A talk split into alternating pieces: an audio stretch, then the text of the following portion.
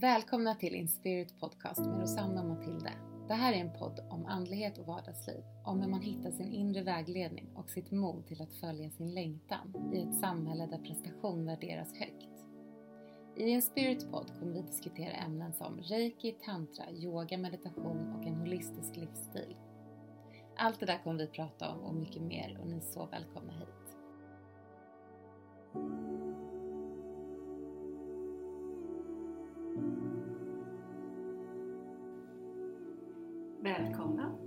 Till Inspirit allihopa. Välkomna hit till oss. Kul att ni är med idag igen. Just det, det var någon, förresten jag hade någon klient på behandling som sa att de inte, att även fast vi pratar olika så känner man ibland inte att man vet vem som är vem. Det tycker jag är så roligt nu att vi har blivit lite mixade. Ja. Så jag är Rosanna som pratar nu. Och jag är Matilde. Ja, så göteborgskan vare stockholmskan. Men eh, idag så tänkte vi vara lite så här kärleksexperter. Fast på ett väldigt ödmjukt sätt. Ja. Vi tänkte gräva ner oss i relationer. Mm. Och det känns ju som man aldrig kommer kunna, eller det kommer man ju aldrig sluta med. Alltså Nej. allting ändras ju. Man lär sig på vägen, är det jag Ja. försöker säga. Och så många olika relationer som är viktiga. Både till Mm. andra men också till sig själv. Mm. Eh, Idag fokar vi väl mest på kärleksrelationer. Precis. Men, det kom, men vi pratar ju som sagt om också kärleksrelationer till sig själv och kanske vänner och familj, vi får se. Mm. Men eh, jag är väldigt nyfiken på din upplevelse i New York som du ändå har nämnt ett par gånger. För den Mm. gjorde stor skillnad för, i ditt liv. Mm. Mm. Ehm, Och jo. vill du berätta om den? Ja. ja, absolut. Jag har inga problem att prata om det här för det har jag verkligen processat eh, hos psykolog väldigt många timmar och det är ingenting för mig som känns jobbigt längre. Så Mm. det, jag kan berätta det med ett hopp om att kanske hjälpa någon annan snarare än att försöka få tröst själv. För det behöver jag inte det här, även om det är en ganska så hemsk och jobbig grej såklart. Ehm, Men det känns i dig, för jag, jag, det känns verkligen som att det är precis så. Att du, du mm. ser det utifrån nästan. Ja, det, jo men det gör jag nu. Men det tog ett långt tag. Jag tänkte ju på det här ungefär varje dag i kanske ett och ett halvt år efter det hände. Men sen blev jag så trött på det så att jag bara, jag orkar inte tänka på det här mer nu. Nu måste jag bara släppa det. Och det är lättare sagt än gjort. Men ja, det tog ett och ett halvt år och sen så kände jag att nu är jag nog redo att helt se på det utifrån.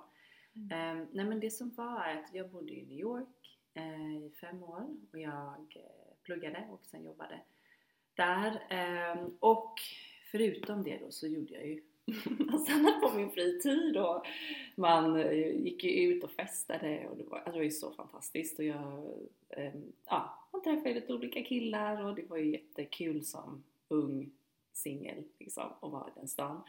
Ehm, och det var en period då, när var detta? Det var nog 2014, 15 eh, tror jag. Eh, en vinter och jag brukade ha så att jag gick typ i ide sa jag under vinterhalvåret för att i New York är ju vintern också så kalla. Och jag brukade inte gå ut då så mycket utan jag liksom höll mig mest i skolan, hemma och på gymmet och, eller typ yogasalen. Det var liksom det jag gjorde mest. Men då hade jag träffat en kille någonstans eh, som skrev väldigt mycket. Eh, och jag var såhär, nej jag orkar inte träffa honom just nu. Så det tog ett tag tills vi sågs. Men jag brukar säga att första april då är min, eh, eh, min vintervila slut. Så då kan jag bara leva igen. Liksom, Så nu, social nu lever igen. Precis. Så då, ehm, första april tror jag det var, så gick vi på en dejt till slut. Och jag kände väl ändå ganska snabbt att så här, jo men han verkar trevlig den här killen. Och sen eh, så var han väldigt, väldigt eh, liksom, intresserad efter det och jag hann inte tänka så mycket för jag hade väldigt mycket fokus på mig själv. Och det var så härligt för att den perioden innan jag träffade honom, mycket tack vare att jag hade varit mycket själv, jag var så eh, nöjd och glad med mitt egna liv. Det gick liksom bra på alla fronter, jag mådde bra, jag kände mig så, så stark, hade jättebra självförtroende för första gången på länge i mitt liv. Ehm, och jag hade inte alls tankar på att träffa någon. Jag tänkte, gud vad kul, nu ska jag vara singel och bara dejta massa olika, ha kul och hade verkligen en genuin sån känsla. Det var inte att jag hade försökt intala mig det, utan jag kände så här: nej, så här ska min vår och sommar bli.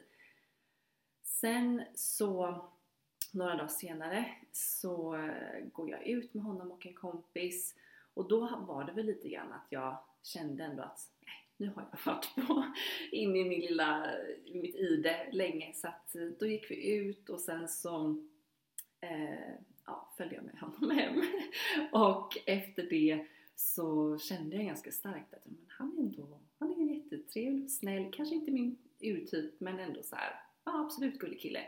Några dagar senare fyller jag år och då uppvaktar han mig jätte, jättemycket. Jag fyller år 9 april, så alltså Mm. åtta dagar efter vår första dejt så skickar han en jätteblombukett till restaurangen där jag och min mamma ska äta middag. Han ordnat så specialbeställt en så jättefin tårta från dem. Det var så här Florens restaurang som var jättesvår att få bord på. Och då har han liksom ändå nästlat sig in i deras kök och typ ordnat det här och det var ju så mycket så jag blev nästan så här: wow, jag har liksom aldrig blivit uppvaktad av någon så mycket. Och det Eh, känns ju som ett varningstecken. Ja, nu i efterhand kan jag vara såhär, what? liksom Mm. vad höll han på med? Men han lyckades ändå hålla det på en hårfin gräns. Det var hela tiden den här balansen mellan att vara lite too much men ändå, han var väldigt så snäll och ödmjuk och han lyckades ändå få mig att känna så här, nej men han är bara genuint jättesnäll och jätteintresserad den här personen. Och efter det så, jag, jag berättar det här just för att förklara hur han var i början, Mm. för det förklarar mycket om varför jag stannade sen. Mm. Men han var efter det så himla snäll och gullig och jag kände ju mycket att ja, men det är kanske en sån här kille jag ska ha. Någon som verkligen uppvaktar mig, uppskattar mig. Han ville berätta för alla liksom. Han kände att han träffade mig och var så jättestolt och han, ehm, han, var, han, var så, han hade, gjorde jättemånga fina gester. Både där han visade med liksom handling och saker att han brydde sig om mig och tyckte om mig och höjde mig till skyarna verkligen i början och tog med mig på väldigt roliga saker. Han levde ett väldigt liksom, intressant, coolt liv och kände liksom många kändisar och vi gjorde alltså, jätteroliga saker som lockade såklart. Men det var ärligt framförallt det här att han verkade så snäll och han var inte den här typiska liksom unga, snygga bad guy som jag hade kanske dejtat innan. För jag kom från ett sånt förhållande. Jag hade dejtat en jätte, jättesnygg men jättekorkad och jobbig kille, taskig liksom innan. Som gjorde att jag kände så här: nej jag ska gå för den här snälla. Liksom. Mm. Eh, och sen så var allt jättebra under våren. Vi reste sen på en jättehärlig resa i Europa under sommaren. För då var jag hemma i Sverige egentligen. ehm, Då från New York-skolan. Men så reste vi, allt var jättebra där. Och sen flyttade vi ihop på hösten. Och då, det var typ som att första dagen så började det med jättemycket varningsgrejer. Mm. Men jag var så chockad för att jag kunde liksom inte se att det hände för att han, det var ju som en helt annan person. Eh, så det, och det började med att han, han kunde eh, kanske säga lite skämt som inte var så roliga. Och sen övergick de skämten till kommentarer som inte var så roliga. Och sen övergick det till att han liksom stod och skrek på mig om saker som var jättehemska och inte alls sanna. Och Mm. jag kan ju se nu i efterhand när jag analyserat honom, när jag pratat med en psykolog hur många timmar som helst om detta och när jag läst på mycket om hans typ av personlighet. Han är ju en psykopat och narcissist har jag Mm. fått reda på det och har säkert många andra diagnoser också. Om man Så personlighetsstörning. verkligen många personlighetsstörningar. Så jag kan ju se nu att han har ju haft en plan och ett mönster hur han höjde mig till skyarna från början och sedan sakta men säkert på väldigt noga utvalda sätt bröt ner mig från då skämt till kommentarer till bråk och gjorde framförallt så att jag eh, tappade lite typ fokus på vem jag var, vad jag tyckte var viktigt, vad jag stod för och han blev ju verkligen som någon gud som, som jag trodde helt på. För att dels har han hur många vänner som helst. Mm. Man kunde gå på vilken gata som helst i New York, som är en väldigt stor stad. Och han var så här, hej hej, typ till tre pers. Han kände alla. Mm. Han var så omtyckt av sina vänner, sin familj. Han var jätteallmänbildad, väldigt så här, duktig, kunnig och han stod upp för många så frågor som var väldigt eh, vettiga Mm. om liksom, jämställdhet och allt möjligt. Så han gav ju bilden av att vara en sån fantastisk person just. Och han kunde ofta säga så också, vilket var ett varningstecken eh, nu i efterhand kan jag ju förstå. Men som kan vara bra om man, att man allmänt är lite uppmärksam kring. Det här med att man ger en komplimang om någonting som man egentligen inte är bra på. Han kunde till exempel säga så här. Ja ah, men Matilda du är så duktig på um, att um, hoppa hopprep säger vi. Och jag bara, Mhm. va? Jag kan inte ens hoppa hopprep. Men han bara, jo har ingen sagt det? Alltså nu var det inte exakt det Mm, men han. Mm. han kunde sa, säga grejer som han Mm. tyckte jag var bra på. Som jag blev såhär, va? Tycker han det? Mhm. Och så, ja men har ingen sagt det till dig? Du är så duktig på det, det är så fin egenskap. Eller så bra eh, talang du har, vad det nu än var. Så att han fick ju mig att känna då, ah, han ser mig på ett annat sätt ingen annan ser. Det Mm. han säger, det är sant. Så att när han då sen sa, ja ah, men Matilda du tänker aldrig dig för innan du gör någonting. Du är så dum och korkad liksom. Då tänkte Mm. jag ju, jaha men gud, om det kommer från honom då måste det ju vara sant liksom. Eh, nej men och sen, Hur lång tid tog det innan han ändrade sig så här? alltså det var ju kanske ett halvår Mm. som var bra. Men jag hade ändå haft lite varningssignaler under tiden. Men Från jag, dig, inom dig? Eller? Mm, nej men som jag såg han Mm. göra. Att han kunde bli arg på ett sätt, han kunde dricka lite för mycket och liksom spåra ur där. Han kunde säga vissa saker. Han sa också jättesnabbt att han älskade mig. Mm. Vilket var lite så här. Oh, okej, men, men han sa det på ett sätt som återigen gjorde att det blev bara något fint och gulligt och jag kände, men wow, han är liksom, han tycker om mig så mycket och han är så fin liksom. Men sen då när vi bodde ihop då var det små grejer som började med att jag andades för högt när han sov, att jag råkade stänga dörren fel, att jag ställde saker på fel plats och så vidare. Till att han, han blev liksom så arg så att han bara stod och skrek, väckte hela huset och jag bara satt och grät eh, och jag vågade inte göra någonting. Det var som att min kropp kände mig på så att så här, han är farlig så att det enda du kan göra är bara sitta och gråta för det var jag fick inte liksom någon kraft själv att säga ifrån eller försvara mig utan jag, det, så fort han öppnade rösten, eller öppnade munnen och jag kände att nu är den arg röstningen på det här humöret, jag bara började storgråta. För att, och det var, det var lite Du blev så konstigt. rädd. Ja, men jag blev så rädd och det, han gjorde mycket hemska saker men det är typ det värsta av allt. När jag, han, han, gick, han började då också gå ut väldigt, väldigt mycket och festa. Mm. Och jag gjorde inte det så mycket för jag gick ju kvar i skolan också så att jag hade ju mycket det med vardagarna. Men han gick ofta ut och sen var det det värsta när han kom hem och klockan var väl kanske två, tre och jag hör hur dörren öppnas, dörren och sen när jag kom mot sovrummet och det var som att jag, jag andades inte på de sekunderna och jag bara bad till Gud att så här, snälla gör så att han inte är så arg. Men, Alltså, nio, gånger, ja, men nio gånger av tio så var han så arg så att han liksom kom in och skrek, smällde upp dörren, kastade saker, tog tag i mig och skakade mig och bara skrek allt vad han kunde rakt i mitt ansikte. Alltså det var verkligen så illa. Fan. Och jag, I mean, ja, det var så hemskt. Men sen någon gång ibland så var han liksom glad men han var ändå så här. Han gjorde, men även då Men vad skrek han om? Ingenting? Alltså det var Alltså det, det, var, det kunde vara saker som hade hänt honom ute, någonting som han blivit arg över eller det, det var inga logiska saker. Det var Nej. ingenting jag hade gjort. Tog du Men- det, kände du det som att det var något du hade gjort? Ja, för han kunde ibland säga så att, eh, för jag upptäckte också då att han eh, hade försökt vara otrogen Mm. hos mig. Mm. Och det var en sån chock i och med att han hade varit så gullig innan. Och jag tänkte ju så här, han kommer nog fria snart. Det var typ det Mm. jag var rädd för. Så här, oh nej, jag måste få honom att slow down och jag vill liksom inte gifta mig med honom efter ett halvår. Nu får vi ta det lugnt. Så när han istället då hade pratat med en tjej om att de skulle ta in på ett hotell ihop, då blev jag helt så här, det här händer inte. Det här Hur är fick du veta sjukt." det? Nej, jag, jag, jag hade magkänsla så jag stakade hans mobil. Mm. Så vi hade varit ute och jag var så konstigt, vi hade haft en jättebra kväll, det var inget eh, konstigt som hade hänt men när vi kom hem så är det som att det är typ som att universum styr mig och hjälper mig och bara tar hans mobil, lyckas öppna med hans fingeravtryck och sen så vet jag helt vilken konversation jag ska gå in i och där ser jag, det var så sjukt verkligen. Oj, okej. Mm. Ja, eh, så, men och efter det, då, då tänkte jag ju så här, då blev jag jättearg. Det var typ första gången jag verkligen sa ifrån. Jag var superarg där på natten. Men sen, när vi hade lugnat ner oss, då säger han till mig Nej men Matilda, du förstår väl varför jag har gjort så här? Och jag bara så här, nej, eller vad menar du? Du har problem typ.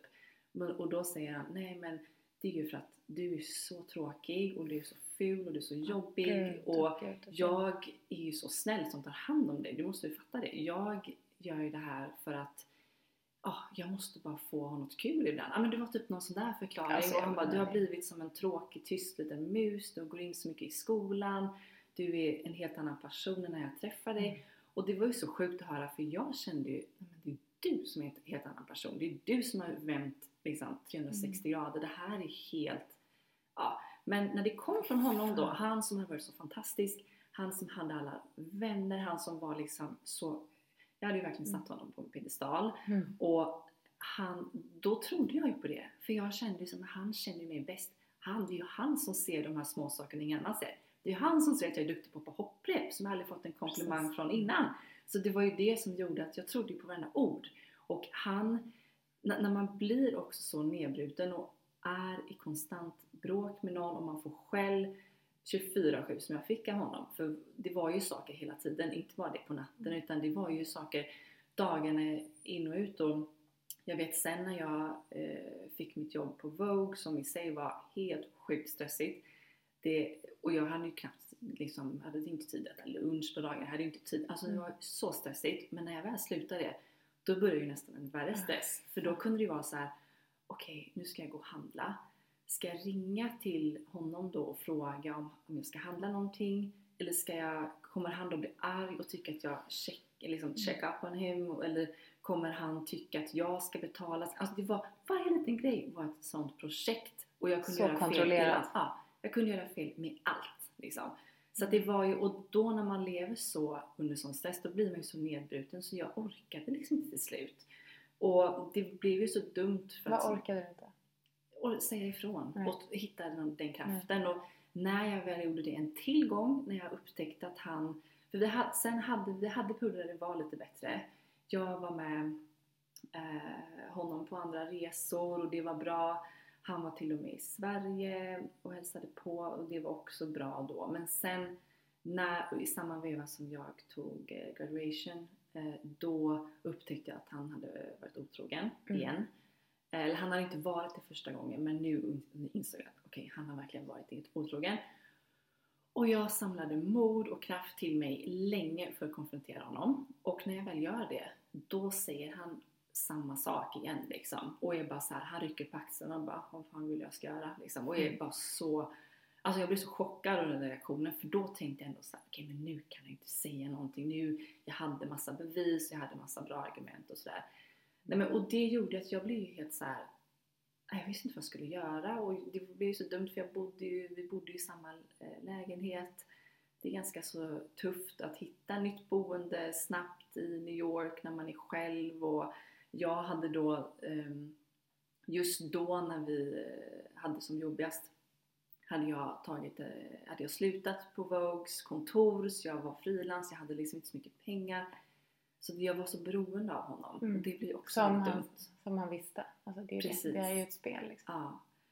Och sen, men sen så eh, gjorde han slut med mig och jag fattade inte hur bra det var. Jag blev ju så ledsen då för jag hade ju, vi hade ju pratat så mycket om vår Mm. framtid. Vi skulle, även om det var ett så dåligt förhållande så var det också stunder som var så bra. Som Mm. gjorde att jag var kvar och vi pratade om vår framtid, hur vi skulle bo där i New York och jag hade ju förberett mig i fem år för att vara kvar där liksom.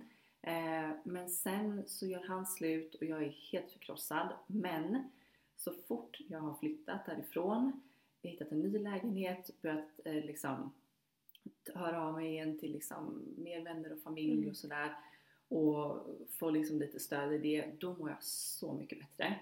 Men då har vi fortfarande lite kontakt eh, under en höst då när det här sker och det kan jag också se var ett spel från honom att han hade kvar så att han skulle betala min mobilräkning Mm. eh, åt mig så jag kunde liksom ja, swisha honom pengar men sådär. Mm. Jag fick ett extra jobb genom hans kompis och det var Mm. mycket så här saker. Mm. Ja.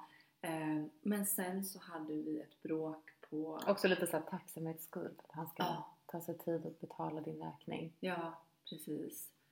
Och sen så hade vi ett bråk eh, innan jul.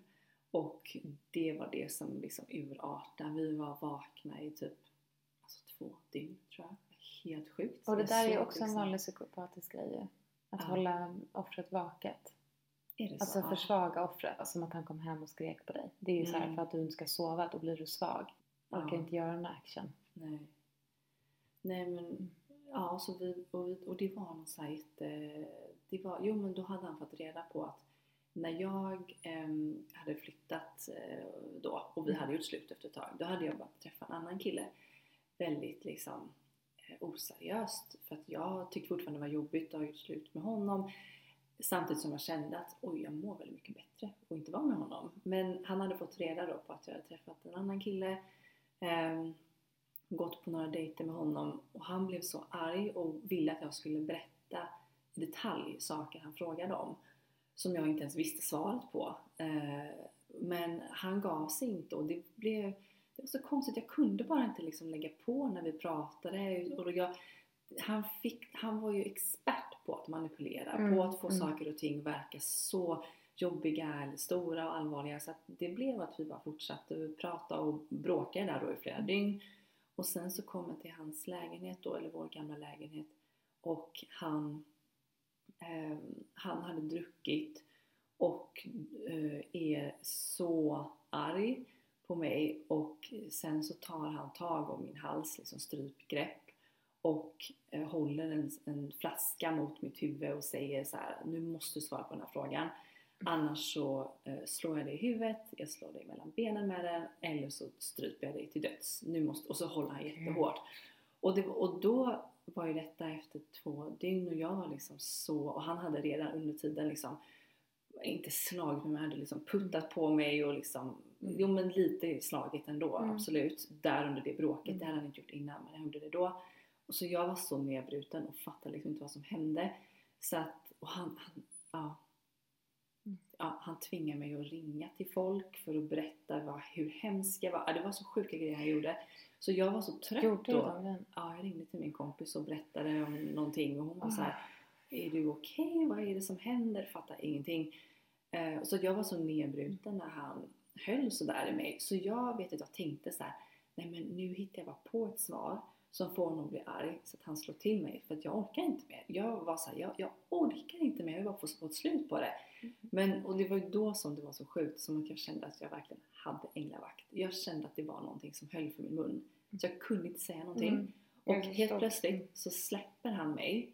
Alltså det är som att han bara fadar away liksom. Han bara släpper och försvinner bort. Och så går han och lägger sig. Och jag sitter kvar och kan fortfarande inte säga någonting.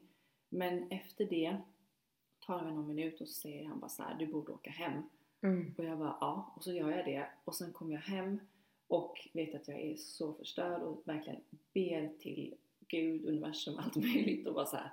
Snälla hjälp mig, jag måste ha hjälp, jag vet inte vad jag ska göra. Hjälp mig med vad ni än kan hjälpa till med. Och så vet jag att jag somnar till, jag vet inte hur länge. Och jag ser typ ett starkt orange ljus. Ehm, och sen när jag vaknar upp, om det är efter två timmar eller en kvart, jag vet inte. Då är det som att jag vet exakt vad jag ska göra. Jag vet vilka jag ska ringa och jag berättar det här för folk. Jag ordnar eh, med hjälp av familj och vänner hur jag ska ta mina sista grejer jag hade i lägenheten hos honom. Hur jag ska byta boende sen och så. Så att det var så sjukt. Wow. Det var som att jag bara fick så mycket hjälp då.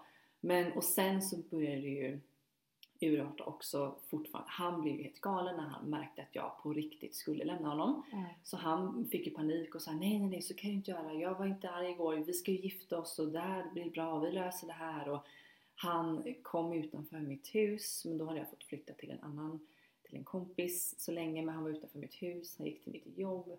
Han ringde mig. Jag tror det var 150 gånger.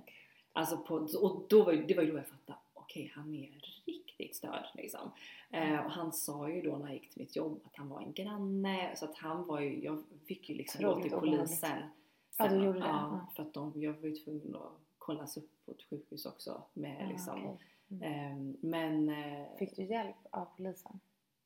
Där? inte jättemycket men grejen var det att jag, jag orkade typ inte ta tag i det så mycket och jag hade faktiskt en resa planerad till Mexiko några dagar senare. Vilket var jättetur så jag behövde bara bo temporärt i en annan lägenhet i kanske fem dagar Mm. och sen åkte jag. Men de fem dagarna, jag minns än idag hur jag var så rädd. Jag vågade inte ens duscha och blunda när jag tog schampo för jag var så rädd. För jag, Mm. och då var detta ändå i en skyskrapa mitt i eh, alltså, centrala, alltså typ Times Square, hur mycket folk som helst. Våning 50 någonting. Han hade ju aldrig hittat mig där. Men jag, var, jag kunde inte liksom, ingenting made sense. Att jag var så rädd bara jag skulle duscha. Att jag kunde inte blunda, jag ville knappt sova för jag var så så här. Tänk om han kommer, tänk om han hittar mig. För då hade jag insett så här, han är helt galen. Mm. Och för då hade jag också märkt att hur han hade reagerat, hur han hur hans röst lät när han pratade in på min telefon, hur han faktiskt hade sagt saker och ting och betett sig kväll, kvällarna innan där när vi bråkade. Det, det stämde inte. Det var någonting som var off. Mm. Jag insåg att det här är inte genuina känslor. Det är någonting som är jättekonstigt. Mm. För jag kände också en känsla av att "Men det är inte mitt fel det här. Det är inte jag som har gjort fel. Och det förstod jag ju sen var ju, ja, han är ju en psykopat. Han känner inte de här känslorna på riktigt. Han spelar, det är ju så de gör. Mm. Och det är så man kan märka att de är lite off när, de, när det kommer till de här eh, riktigt speciella eh, känslorna av jättemycket sorg eller jättemycket känslor, alltså när det Mm. blir åt, åt, åt något extremt då är det, det svårt att spela med det liksom. Mm. Eh, nej men så att efter det så var jag ju så här helt... Men du behövde alltså distans till att se det? Ja, För där och då så tyckte Nej. du att det var... Där hann du typ inte, eller hur? Nej, nej Eller det var verkligen, det var sista Mm. Alltså de där, det sista bråket. Det sista bråket och de sista dagarna efter. Där jag eh, såg att wow, han är, jag har levt med en psykopat. Visste du ens det begreppet innan? Eller där och då? Då hade du Ja. det... det mm. Ja, och jag fick hjälp av en kompis. En av mina allra bästa vänner. Och min, min bästa vän i New York, hennes mamma har jobbat med utsatta kvinnor. Mm. Eh, och hon förklarade för mig att jo men han är verkligen en psykopat. Eh, och det, så att hon för, hjälpte mig också där och då att förstå. Och sen var det hon och jag som åkte till Mexiko Mm. ihop Mm. och hon var ju så liksom fantastiskt stöd och hjälpte mig så mycket där och förstå att, Mm. att han har varit helt sjuk liksom. För jag, jag kunde inte Det är se det. hjälparna som kommer. Ja. Så det var ju så... Men vad, det låter som du också var i sån chock att du inte kunde typ duscha eller Mm. blunda. Alltså att, att din kropp också var ett sånt alltså, eh, försvarsmood. Ja. Nej men jag den- var verkligen det och sen var det ju så sjukt för att sen var jag ju på semester då i två, två tre veckor. Men var ju bara i New York i en helg och packade ordning allt och sen åkte hem till Sverige. Eh, för att jag kunde inte vara kvar där på grund av honom. Jag, jag säger ju till folk att jag flyttar hem på grund av mitt visum och det var det ju också. Mm. Men det här är ju kanske den mest korrekta historien. Ja. Att det är ju för att jag kunde inte vara kvar där för det var ju en galning. Hur hade liksom. kunnat vara det? Det, det Nej. inte. Så att... Eh, Och det är vi glada för att vi fick hem dig.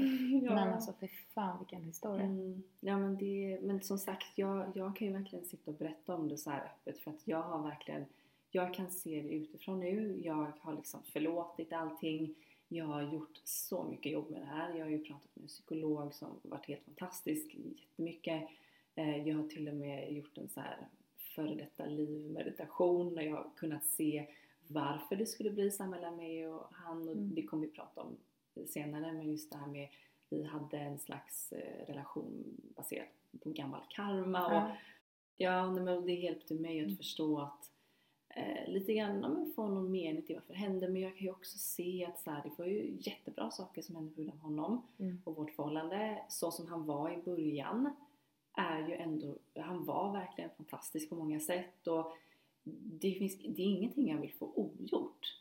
Men det har ju tagit tid att komma till det.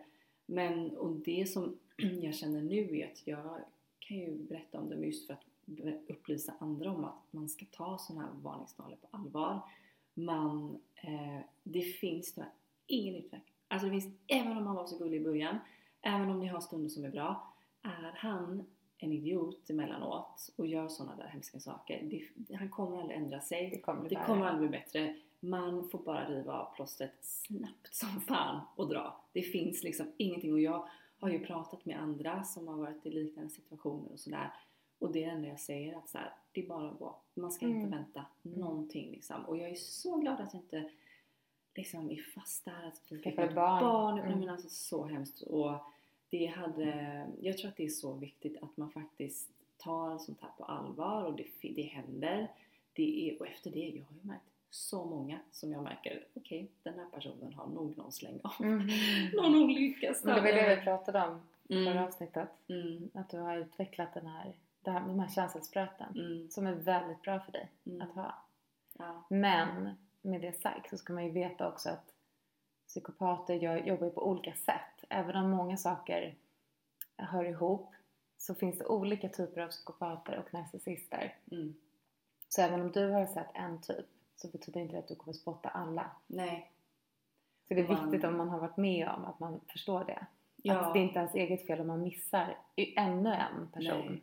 Och det är inte ens eget fel att man är med om något sånt här. Och det Nej. kan jag verkligen starkt känna. Och det är jag glad för att jag kände väldigt snabbt. Och det var tack vare min psykolog. Mm. En opartisk person på ett sätt som kunde se på det objektivt och säga till mig att Vet du vad? Psykopater lurar alla. Det finns ingen. Just till och med folk som liksom psykologer som forskar om psykopater blir lurade. Det är deras... Eh, Otroligt ja, sjukt nej, alltså. det är så sjukt. Att också Så. välja att födas i det livet som en psykopat. Ändå en Mm. tuff uppgift. Nej, Det kan så, vara. ah, så hemskt liksom. Men alltså tack Matilda för att du berättade den här historien. Den är, jag bara känner hur, och också att se dig liksom i all din styrka och din självklarhet som du har. Att så här, du hade den också där. Det är det som är, är så starkt också. Att du var i den frekvensen av så här, bra självförtroende, du hade ett flyt, du var liksom mm. I allt det där som var så bra och sen kom han in där Mm. och det är bara, det är bara ja, man är verkligen ett offer för det men Ja. också en överlevare, vi ska väl säga så istället du är verkligen en överlevare Mm. för den för det här Ja, det hade kunnat gå så mycket värre än vad det gick. och det är så fantastiskt att du berättar om det att det inte är någonting som du skäms för Nej, men det känner jag genuint att jag inte gör. Och som sagt, jag berättar det absolut inte för att säga åh det är så synd om mig liksom. Utan det är ju bara för att visa att så här, det här kan verkligen hända. Jag trodde Mm. ju inte att jag skulle träffa någon sån idiot. Jag tänkte så här, men jag har ju bra människor och så. Mm. Men det handlar inte om det. Man har ing, det finns ingenting man kan göra. Så att jag tror det är viktigt att man känner det om man lyssnar att kom, stöter man på en sån här person och du hamnar i det här, det är inte ditt fel. Mm. Men man måste någonstans hitta en styrka att ta sig ifrån, kanske fråga sig själv. Hade jag velat att min bästa vän, syster, mamma, kompis blir behandlad av sin kille på det här Mm. sättet? Att man ställer sig den frågan och eh, ja, det är jobbigt att bryta sig loss men man måste bara veta att så här, nej, det är inget, det kommer aldrig bli bra med en sån person. Så är det bara. Och det är jättetråkigt men Mm.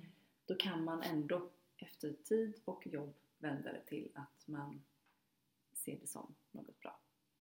Gud, det kanske blir jättelångt nej se. tack, alltså nej det här är jätteviktigt det här är Jag kände jag vill bara runda av nu Nej men Matilda, tack för att du har berättat det här och finns det någon liksom jag tänker att man kanske ändå, nu kommer vi in mycket liksom på psykopati Mm, och så men det är ju motsatsen till eh, empati eller Mm. empat mm, som många är där ute. Mm, och faktiskt så är det ju så att psykopater och narcissister dras till Mm. empater. Mm, för att empaterna gröper ju ur sig själva för att ge till den här tomma varelsen, Ja, får man säga ja, så? ja, men Nej men den här tomma liksom som den har valt i det här livet men det där är liksom en, eh, ofta blir det en sån dynamik, empat och psykopat eller empat och narcissist. Det, Mm. eller det är liksom, mm, så jag tror att det är jätte, eller jag vet att det är viktigt att lyfta det här.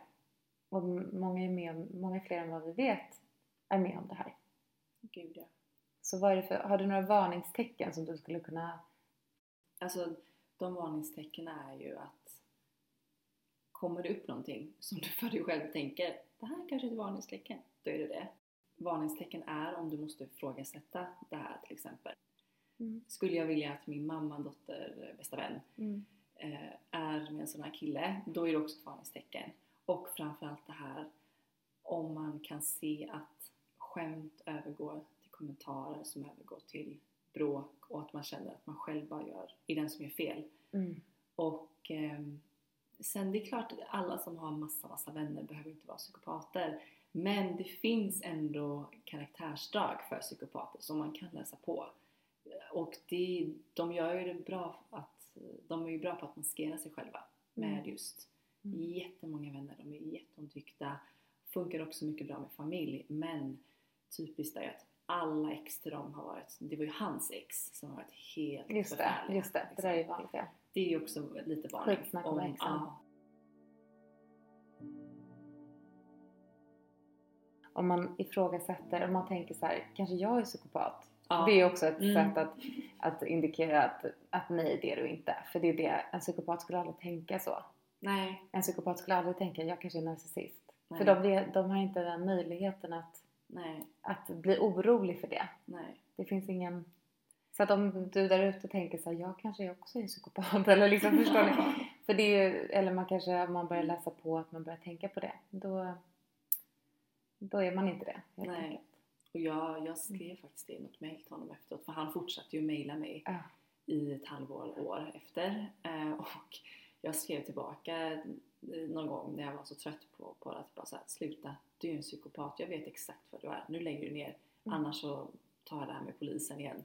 Eh, för att han, ja det här ska ju, har jag faktiskt glömt bort, men han kom ju till Sverige också Ah. efteråt. Ja, det är klart. Vad Eh, och då hade jag kontakt med svensk polis. Eh, Hur visste du att han kom då? Hör hörde han av sig? Eh, ja, vänta hur var det nu? Jag har för mig att jag kanske såg för jag hade koll på hans Instagram ett tag. Bara för att se, Mm. för att jag tänkte så här, tänk om han kommer. Men nej, det ska jag inte göra. Men jag hade koll. Och sen så hade han ju vissa, han kände ganska många svenskar. Mm.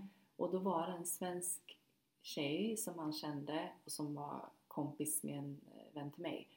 Och hon säger till mig när vi sitter och äter middag här i Stockholm att ja ah, men eh, han är ju här har jag hört. Nej det var, så, det, var så, det var så hemskt men då, Blev du röd då? ja jag Mm. jätterädd. Men då var det ändå att han, han vi hade missat varandra precis. Eh, så att det var jätteskönt. Men det var ju också, alltså att han gav ju sig inte. Eh, men då skrev jag i alla fall till honom efteråt att nu får du lägga ner. Jag pratar med polisen igen. Du är en psykopat. Och efter det här som har hänt och bla bla. Men då märkte jag ju återigen att hans version var ju va? Det är inget som hänt mellan oss, det var bara du som stack och då hade han förträngt hela Mm. vårt bråk och det kan ju också, det är ju svårt att se när man är i det men det är en grej man kan kolla på försöka tänka att om han helt förnekar en Mm. situation eller om den här personen helt har en helt annan version då kan vi också börja ifrågasätta nej, det är nog inte jag som är dum i huvudet och helt glömsk här. Det är han som har något sig. Men där är det ju också lätt att, bli, att tänka att man själv är, är dramatisk eller... Ja, gud ja. så att det är ju, det är ju så- verkligen inte lätt. Nej, det är så svårt och jag Mm. vet ju att nu så pratar jag om det som, alltså jag har ju verkligen, jag förstår ju folk, eller kvinnor framförallt, som stannar i förhållanden Mm. fastän de har hemska män och män slår dem och Mm. det är förfärligt. Jag förstår det och jag, jag innan var jag ju mycket så här att jag tänkte nej, jag kommer aldrig hamna i ett sånt. Jag är en vettig tjej. Jag har liksom, jag kopplade det till typ så här liksom prestationer i skolan och eh, Ja. annat liksom. Men nu så här, spelar ingen roll liksom. Mm. Spelar ingen roll. Och jag var också så här, om det är någon där ute som är i en, en sån här relation eller har liksom den typen av eller Mm. det behöver heller inte vara så att någon blir fysiskt misshan- misshandlad men om det är psykisk misshandel eller Mm. den här typen av varningar kommer så gör liksom bara så att gör dig själv till en väldigt tråkig människa för det första. Det är ju ofta så att man ska vara som en sån här grå sten typ. Inte göra så mycket, alltså då- det kommer aldrig gå att argumentera eller Nej. att få den här personen att förstå. Det, Mm. det är omöjligt. Ja. Men, men gör en flyktplan. Spara dina pengar, kanske liksom ha en plan B Mm. och se till att du tar tar dig ur Mm. den här relationen på ett eller annat sätt. Försök att berätta för åtminstone en person. Mm. För det kände jag, ju mer, det var därför jag eh, när jag vaknade där på morgonen sen ringde runt till massa människor Mm. och fick hjälp. För att jag kände så starkt att ju fler jag berättade för desto svårare kommer det bli för mig att gå tillbaka till det. Det kommer jag inte kunna, då kommer jag skämmas. Om massa Mm. vet om hur han har betett sig och jag går tillbaka och jo men jag Mm. måste, nej det går inte. Så att ju fler man orkar berätta Mm. det för på ett ärligt sätt ju, ju mer hjälp kommer man få. Och det är ju så. De flesta kanske har den här typen av mask som är så framgångsrik och glad och härlig utåt. Mm. Och de gillar ju inte att den rivs. Alltså Mm. masken är ju deras allt. Mm. Så. Precis. Ja. så det är jättebra att man berättar för många menar jag. Mm. För där finns det ju, det försvagar faktiskt den här typen av personlighetsstörd människa. Vad är det för skäl som väljer den resan? Det där är ju, ehm, det är lite större, det är lite för stort för mig att svara på. Hur känner du? Mm. Nej, jag känner samma. Jag känner ju snarare att jag tycker synd om honom nu. Såklart, att för det du är empat.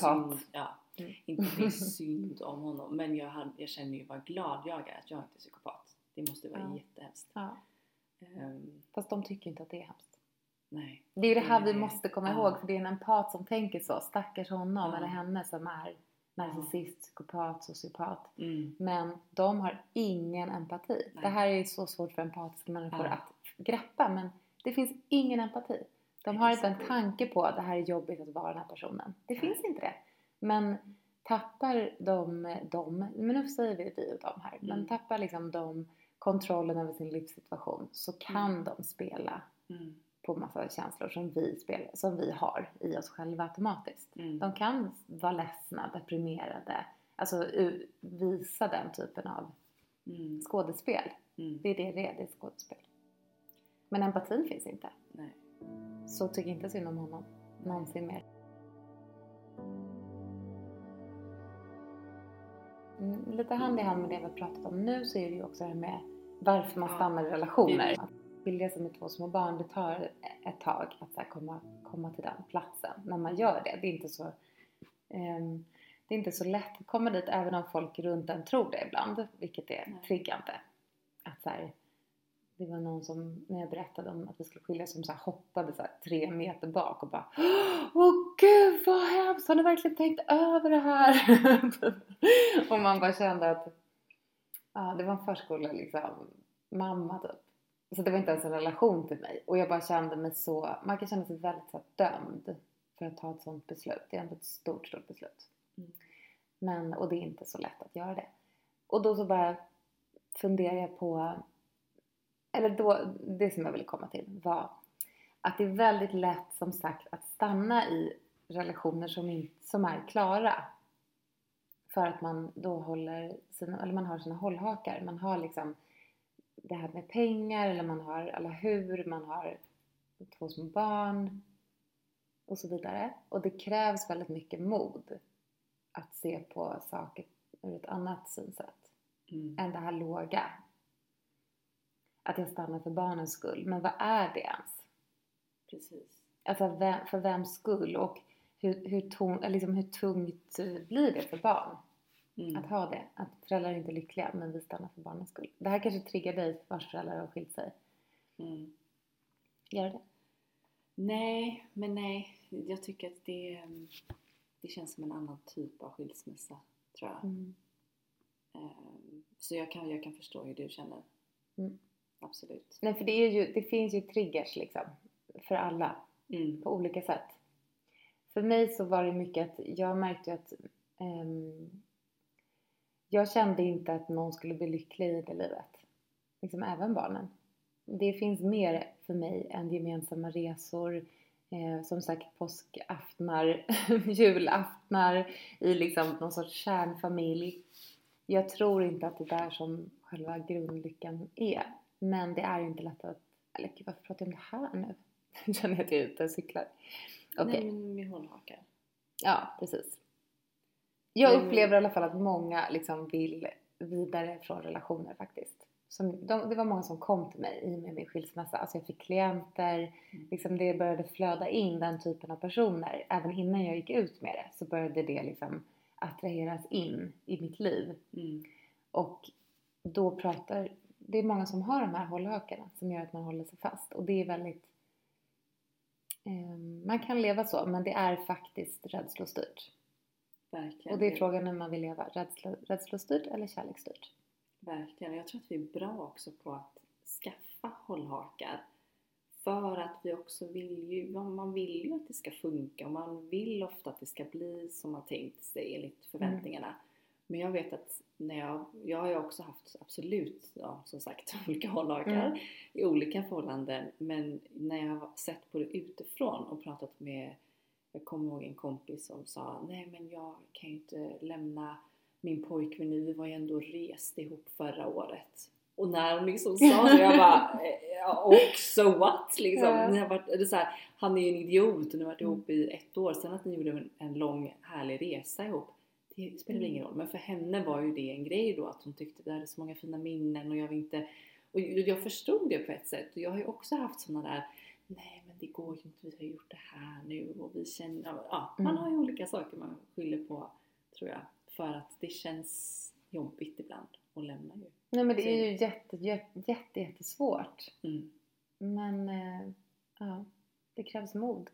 Men jag tror att det för att underlätta det så tror jag mycket på att man ska försöka det har jag känt i alla fall mycket att jag försöker jobba med att ha verkligen kvar mig själv, mitt liv och min styrka i mitt liv oavsett mm. om jag är singel eller i förhållande, om jag dejtar någon eller inte. Mm. Och det har jag jobbat på jättemycket och kände väl först i år faktiskt att jag har lyckats eh, inte bemästra men ändå jag har kommit en bra bit på vägen som, som det känns så i alla fall att jag har gjort i alla fall något litet framsteg med det mm. för innan så hade jag så lätt för att släppa allt om jag träffade någon som jag var intresserad av. Jag, jag liksom släppte allt och lät mig själv bara föras vidare med, med honom. Mm. Och det tror jag också kan bli lätt att då skapar man på ett sätt lite olika hållhakar i det kanske. Verkligen. Man... Jag känner igen det jättemycket. Jag kände att när jag flyttade, eh, när jag flyttade till min egen lägenhet och liksom bör, påbörjade det, det var ju verkligen en riktig healingperiod av liksom sörjande på ett väldigt djupt rått plan och det var bra liksom och det var så jävla hardcore. Men till slut så blev det som en sån här till slut så blev det som att eh, jag var så stark jag var så stark liksom att jag blev verkligen rädd att gå in i tvåsamhet sen när den, när den möjligheten kom in i mitt liv liksom. Ja, för du kände att det kändes ganska skönt, och, eller du kände dig bekväm? Nej men det var liksom... som att så här, jag kunde göra, jag var helt oövervinnlig själv. Ja. Alltså så här, jag kan göra vad jag vill, jag kan liksom vara exakt som jag vill. Mm. Det finns ingen som är nära nog att, för det är det här också faktiskt. I tvåsamhet så är det ju någonting otroligt sårbart om man har en sårbar tvåsamhet. Om man har liksom en äkta tvåsamhet om man säger så. Så är man ju väldigt sårbar. Man mm. har ju inga masker, man är liksom man är både den sämsta och den bästa. Man är sig själv. Mm. Och det är så här, att bli så studerad på nära håll, det ju, kan ju vara väldigt läskigt. Eller jag verkligen kände det. Mm. Att så här, jag tycker det är lättare att vara ensam på ett sätt. För där kan jag vara helt, eh, helt den versionen av mig själv som jag väljer att vara. Och eh, det var, nu var inte jag singel så länge kanske en del tycker där ute. Men ett och ett halvt år då av, för det, var, det som var grejen var under de här ett och ett halvt åren var för mig att jag inte dejtade någon, jag hade inte sex med någon, jag var liksom helt själv. Alltså jag, jag ville inte ens prata om män. Alltså jag var helt såhär, jag vill bara vara i fred och ha lugn och ro liksom. Mm. Så jag kände, jag kände att det var en hardcore ensamhet som mm. jag ändå gick in i. Men jag vet att väldigt många har varit singlar i flera år och skulle tycka att det är så här, ingenting typ. Mm. Vilket det inte är för dem. Men allt är relativt. Men eh, kände du att du fick brottas lite med då att behålla det samtidigt som du gick in i något nytt? Gud ja! Och jag försökte ta mig ur jättemånga gånger i början i den relationen jag är i nu. Att mm. så här, nej vad läskigt, nej oh, liksom kommer inte jag, nu börjar vi riva illusionen av mig mer och mer, man kommer liksom till kärnan så. Mm. Och det tyckte jag var lite obehagligt. Och då vill jag, då, det sa jag många gånger, tvåsamhet är knepigt. Det är också en historia jag har lite så här. Tvåsamhet är lite svårt tycker jag. Och, men det kanske inte behöver vara så svårt. Nej. Men jag på något sätt kan tycka det. För har du gjort något speciellt nu som får dig att känna att det känns lättare? Jag tror bara att så här, uttrycka det. Ja. Eller liksom, det är ju det, att så här, prata om det och vara... Också, också att, att man måste ju testa varandra lite i början. Så här, är jag ovillkorligt älskad? Mm. Och det, det håller vi på med mycket just nu. Mm. Att, eh, att, att man får vara liksom dålig men att det ändå är okej. Man är hållen och älskad. Mm. Det är ju det, att vi alla vill ju vara ovillkorligt, ovillkorligt älskade. Det är ju vår drivkraft. Mm. Så eh, att bara känna att man får vara det, även om man har då PMSen. eller liksom, eller beter sig på vissa sätt som inte är okej faktiskt. Ja. Så är man ändå älskad och liksom att han är kvar eller att vi är okej. Det gör ju att man läker. Så. Men sen så också det här med att man har självkärlek. Att man kan ju inte älska någon om man inte älskar sig själv. Alltså det är ju, det är ju bara så. Då kan man inte vara i den äkta kärleken. Mm. Så att, for, att fortsätta tycka att jag är okej, även när jag är dålig, det är ju den största utmaningen. Verkligen. För jag, det är det att så här, hur mycket skam som triggas igång ibland och liksom hur mycket... Alltså skam är ju min, min grej, den har jag svårt med. Mm. Så den kan jag känna, känna in.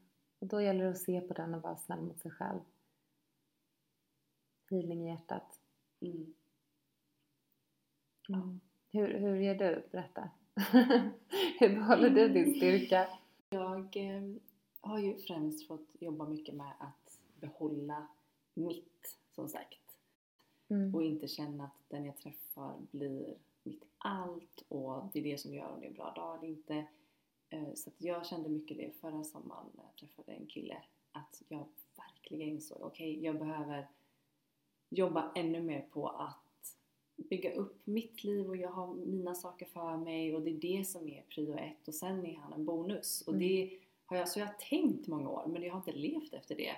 Men jag känner att jag har gjort det nu vilket har fått mig att känna att det är så mycket lättare att, att eh, känna mig glad om jag träffar någon. Det behöver inte vara något seriöst alls men bara det här att man ser lite lätt på det och Mm. tänker att ja det är kul men det är, liksom, det är lite strössel, lite glitter liksom. Mm. Jag har ju mitt huvudfokus på det och det, det är jag så glad för att jag också tog, inte så, så långt, men jag tog ändå en del under hösten där, ehm, ja, men där jag började med reiki nu tack Mm. vare dig och jag gjorde mycket andra saker för mig själv och det tycker jag hjälper. Att man Mm. har sina egna Verkligen, projekt. det är bra. Eh, Såklart att man inte bara ska gå helt ner i sitt jobb men det behöver inte göra. Det kan vara man- att man bara planerar saker med ens vänner, Mm. man gör olika projekt, hobbys, sånt där. Det tror jag är så viktigt och att man fortsätter med det när man träffar någon. Mm. Så man inte bara blir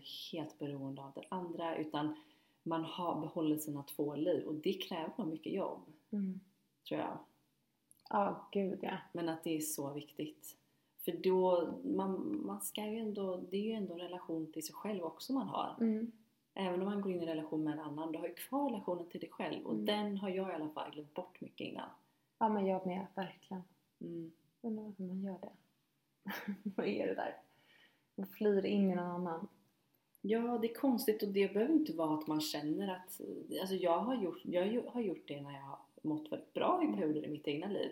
Men ändå på något sätt blir så lockad och indragen av den andra att jag det börjar ju med att nej men jag, jag kan nog strunta i den träningen, jag kan strunta i det där. Och såklart man ska få ha det lite så i början också och man behöver ju inte vara helt liksom Nej, där är mitt schema. Alltså, man får ju vara lite alltså, flexibel. Men jag tror det är viktigt ändå att man håller lite på att Mm. jag gör det här, det är mitt liv. För tänk vad kul sen när man väl ses. Man kan prata om det och man har, har längtat kanske för alla. Det, jag tror det ger så mycket. Ja. Vad man behöver. Att äh, också checka in där. Mm. Jag behöver det här. Jag behöver vila i fem minuter. Kan du ge mig det? Än att säga, ja men, ja. Istället för att sätta en gräns. Du, du låter mig aldrig vila. Precis. Det är de där olika kommunikationsteknikerna som man får plugga på också. Ja. Kan inte ta det, det som du brukar, det har jag märkt att du säger till mig ofta. Ja. Så här, in. Förstod du vad jag sa nu? pedagogiskt. Nej men att man, eh, ja men precis att när man har berättat någonting som är viktigt för en eller när man har uttryckt någonting att man sedan säger då vad, vad sa jag nu? Kan, vill du återge vad jag sa så att, så att jag vet att du förstod mig? Mm. För jag har varit med om så många gånger när, när personen då återgett det och säger något helt annat än vad man har sagt. Vilket är fullt förståeligt. För vi hör ju utifrån oss själva, vi har ju våra egna triggers och svagheter och ehm, känslor. Mm. Så jag kommer ihåg någon gång när jag frågade en, en partner det och han sa så här, ja jag hörde att du ville ta tid ifrån mig. Och jag bara, nej! Det sa jag verkligen inte. Och det hade ju varit så här, det hade ju varit en sån game changer om inte jag Ja. hade frågat det, om han hade trott att jag sa det. Det var absolut inte det jag sa. Nej. Så det, kom, verkligen- det var verkligen så här otroligt uppvaknande för mig att det här är viktigt att när man pratar allvarligt med någon att så här, vad sa jag nu? Berätta. Mm. Berätta hur det landade för dig. Vad sa jag till dig nu? Utan att, nu lät det kanske lite bemästrande. men men eh, att, att checka in så här, hör du det jag säger till dig? För jag vill inte att du ska missförstå. Kan du, vill du återge? Ja, det är så bra tips. Mm, Verkligen. Den blir lite mjukare och respektfull. Ja. Ja men det är, det är så viktigt ju med kommunikation. Mm. Både för behov, gränser men också ja, men förväntningar. Så att man Ja. är på samma nivå ofta. Ja. Det är ju svårt tycker jag. Att veta, är vi på samma nivå? Tänker vi lika? Mm. Och det enda sättet man får reda på det är ju faktiskt att ha en sån tydlig kommunikation och Mm. checka in med varandra. Och det är ju så vanligt i början med den här liksom, eh, honeymoon-facen, då är man ju väldigt här, synkade men man är också så tillåtande till varandra. Mm. Man bara, du, du är en egen person, jag älskar dig no matter what liksom. Mm. Eller jag tycker om dig, det spelar ingen roll vad du gör. Men eh, jag beundrar dig så mycket. Man är ju i den här liksom, beundrande fasen. Och där finns det så mycket tillåt, tillåtelse att vara den man är. Och sen kommer man ju in automatiskt, det, det blir ju verkligen så, i en, i en annan fas. Mm. Och det är där som förväntningarna kommer liksom. Mm. Att så här, jag förväntar mig att du ska att du ska förstå mig. Mm. Eller att du ska göra det här. Eller att det är ju förväntningarna som är problemet. Det är intressant för att någonting som jag har fått höra gällande det som är väldigt intressant och som förändrade mycket min syn på olika förväntningar man har och man har haft i förhållanden och med personer allmänt i sin omgivning faktiskt är ju de här kärleksspråken. Mm. The five love languages. Som, nej men det är så intressant för det handlar ju om att man kan eh, ge kärlek men också ge att få kärlek på olika sätt. Och då eh, pratar de då om fem olika sätt och det är tid, tjänster, fysisk beröring, gåvor och ord. Och jag tycker det är så intressant och det förändrade mycket mitt sätt på olika relationer jag har haft och Det kan ju också gälla Så. till en själv typ. Ja, verkligen. Även om man är jag insåg och började reflektera över ja, men vilka är det jag Mm. brukar visa kärlek genom och Mm. vilka är det jag gillar att få kärlek genom. Det behöver inte vara samma. Nej. Och jag tycker det är så intressant för då inser man varför det kan bli dåliga, eller lite dålig kommunikation och missuppfattade förväntningar ibland. Mm. För att man pratar helt olika språk. Mm. Gud vad spännande. Mm. Men ska man göra alla de här fem för att få ett... Nej, utan då, det, det, det handlar Eller det handlar om om självmedvetenhet? Precis, det handlar om att tänka så här. Men hur gillar jag att få kärlek? Är Mm. det genom fina ord? Är det genom att personen jag är med spenderar en massa tid på mig? Är det fysisk beröring som är väldigt viktigt? Och hur gör jag Eller kärlek? gåvorna. Precis. Själv så vill jag ha allt. Nej, Ja. men- Nej men, men jag kan till exempel, jag, när jag har gjort det här på mig själv så har jag insett att det som jag tycker om att få och få liksom kärlek och bekräftelse och så igenom det är ju just fysisk beröring, gåvor och ord. Mm. För jag tycker, det här är vad jag tycker då, Mm, mm, att tid och tjänster det är liksom en självklar grej. mm. Lite Fast det är ju inte det. Nej jag vet, det är inte det. Men jag är lite så här, Men då har ju du säkert haft det väldigt mycket i relationer. ja, ja men så jag. kan det ju Alltså vara. att du har blivit van vid att det alltid ja, ges till dig. Ja, och det, och det för jag pratade ju faktiskt med ett, eh, ett ex om detta. Som, där jag i efterhand sa så här, men ah, du var, då, då hade jag liksom lite um, issues med hans love languages, mm. eller hans sätt att visa mm. kärlek till mig. Och så sa han, men jag tillbringar ju massa tid med dig. Jag reste en timme varje gång vi skulle ses. Mm. Jag spenderade alla lediga dagar med bara dig. Och det har jag liksom inte sett i två års tid. Typ. Det är så jäkla spännande. Ja, men det är så intressant och jag tycker det är väldigt ja, spännande att reflektera över. Både hur man själv fungerar, vad man vill få och hur man ger. Men också ta reda på ens partner eller andra personer i ens närhet, hur de har sina Verkligen. språk. Jag är ju sämst på gåvor och eh, tjänster. är det så? Men vad, vad ja. känner du? Vilka är dina? Jag känner att jag, jag känner att jag, eh, det jag vill ha är fysisk beröring, tid och, eh, och ord. Verkligen. De mm. tre är väldigt viktiga för mig. Och har du samma när du ger tror du? Nej men det är det jag kände att när jag, ger inte eh, jag ger inte tjänster och gåvor. Nej. Alltså jag menar jag skulle lätt kunna åka och tvätta någon bil nu känner jag. Det skulle säkert betyda, nej fan, jag tror inte att det skulle bli. Jag tror att vi kanske är lite lika där jag och min partner nu. Mm. Och det är ju väldigt... Det är bra.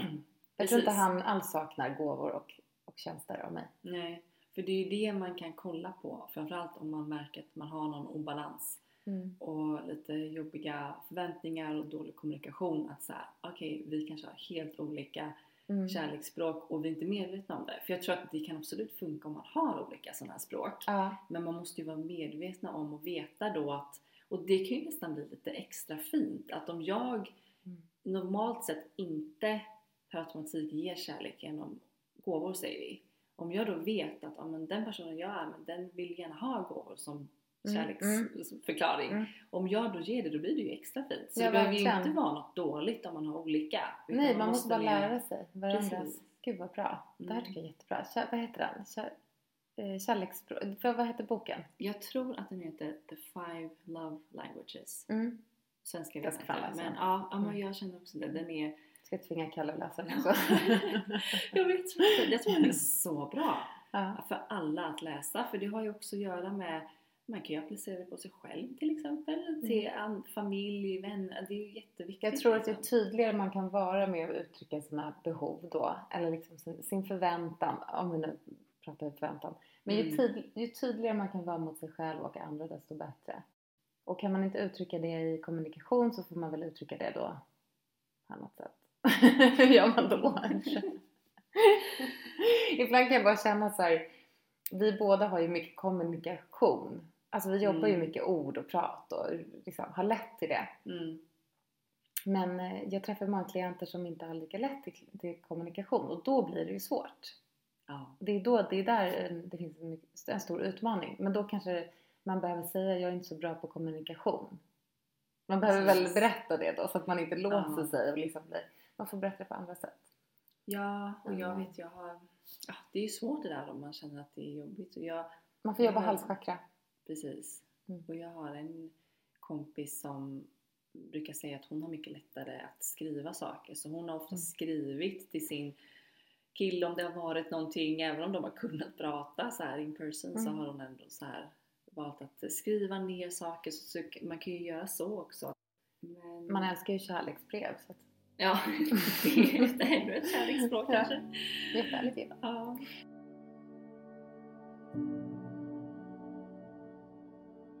Men ska vi ta några snabba tips? Mm.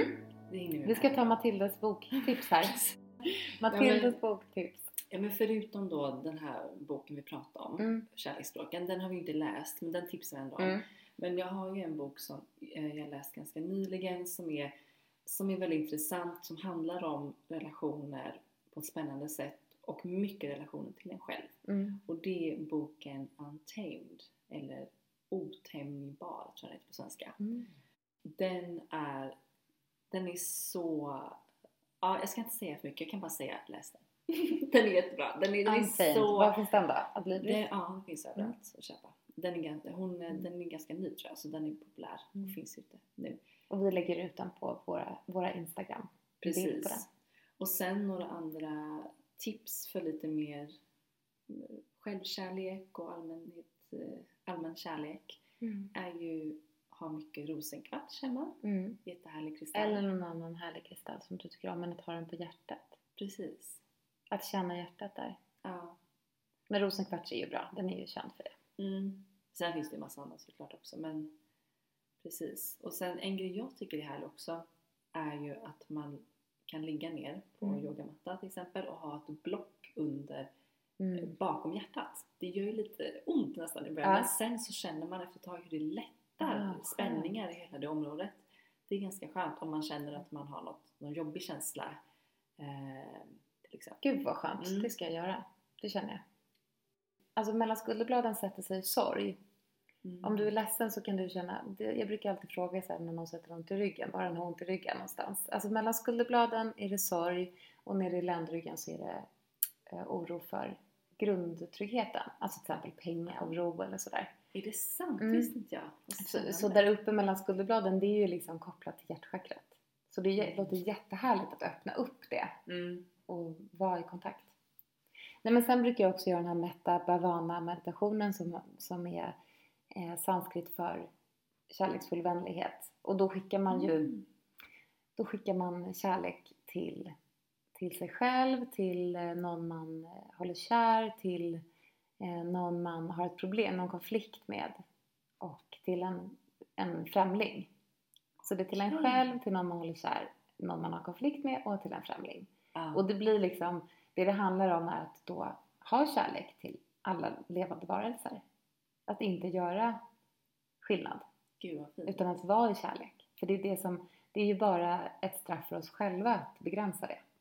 Det är ingen annan som drabbas av det. Gud vad fint. Den Mm. måste jag göra. Mm. Wow. Så den är väldigt poppis också om du ska hålla någon meditation. Den måste jag ja. Wow. Den kan vi gå ut med i vår kurs. Ja, det gör Ja. vi. Så det var lite tips från, eh, från oss till hjärtat. Precis. Tack så jättemycket för att du har lyssnat och jag vill verkligen säga igen Matilda, tack för att du delade din historia. Väldigt starkt. Jag som sitter också mitt emot känner vibrationen i den. Att så här, det, du har ju verkligen jobbat så starkt, eller så um, mycket med det här. Men man känner din vibration från själen Mm. i att det här var en stor lärdom. Så det, Mm. det är väldigt starkt att få sitta här och lyssna på. Mm. Och det det. säkert ni som lyssnade. Ja, tack för att du har lyssnat. Och var rädda om er där ute. Ja, verkligen. Tack för att du har lyssnat så fint. Du var så bra lyssnare.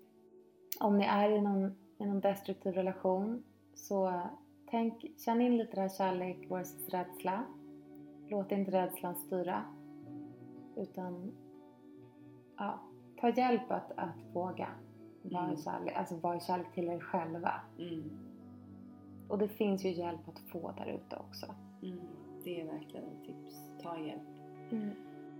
Vi Ja, finns ju här såklart för lite meddelanden men verkligen som du säger kvinnojour eller eh, så finns det mycket poddar och sådär man kan lyssna på, typ Psykopatpodden om man känner igen sig. Nej men för det Mm. viktiga är också att förkovra sig i Mm. vad det är för någonting för då tar man ju faktiskt makten över det. Precis. Få ett utifrån perspektiv. Så, Så tack kul. för ni stjärnar på iTunes, fortsätt jättegärna göra det och skriv några rader, vi blir så sjukt glada. Och tack för att ni lyssnar och vi ses igen nästa vecka. Tusen tack. Tusen tack! Tjock och Tjock och dig.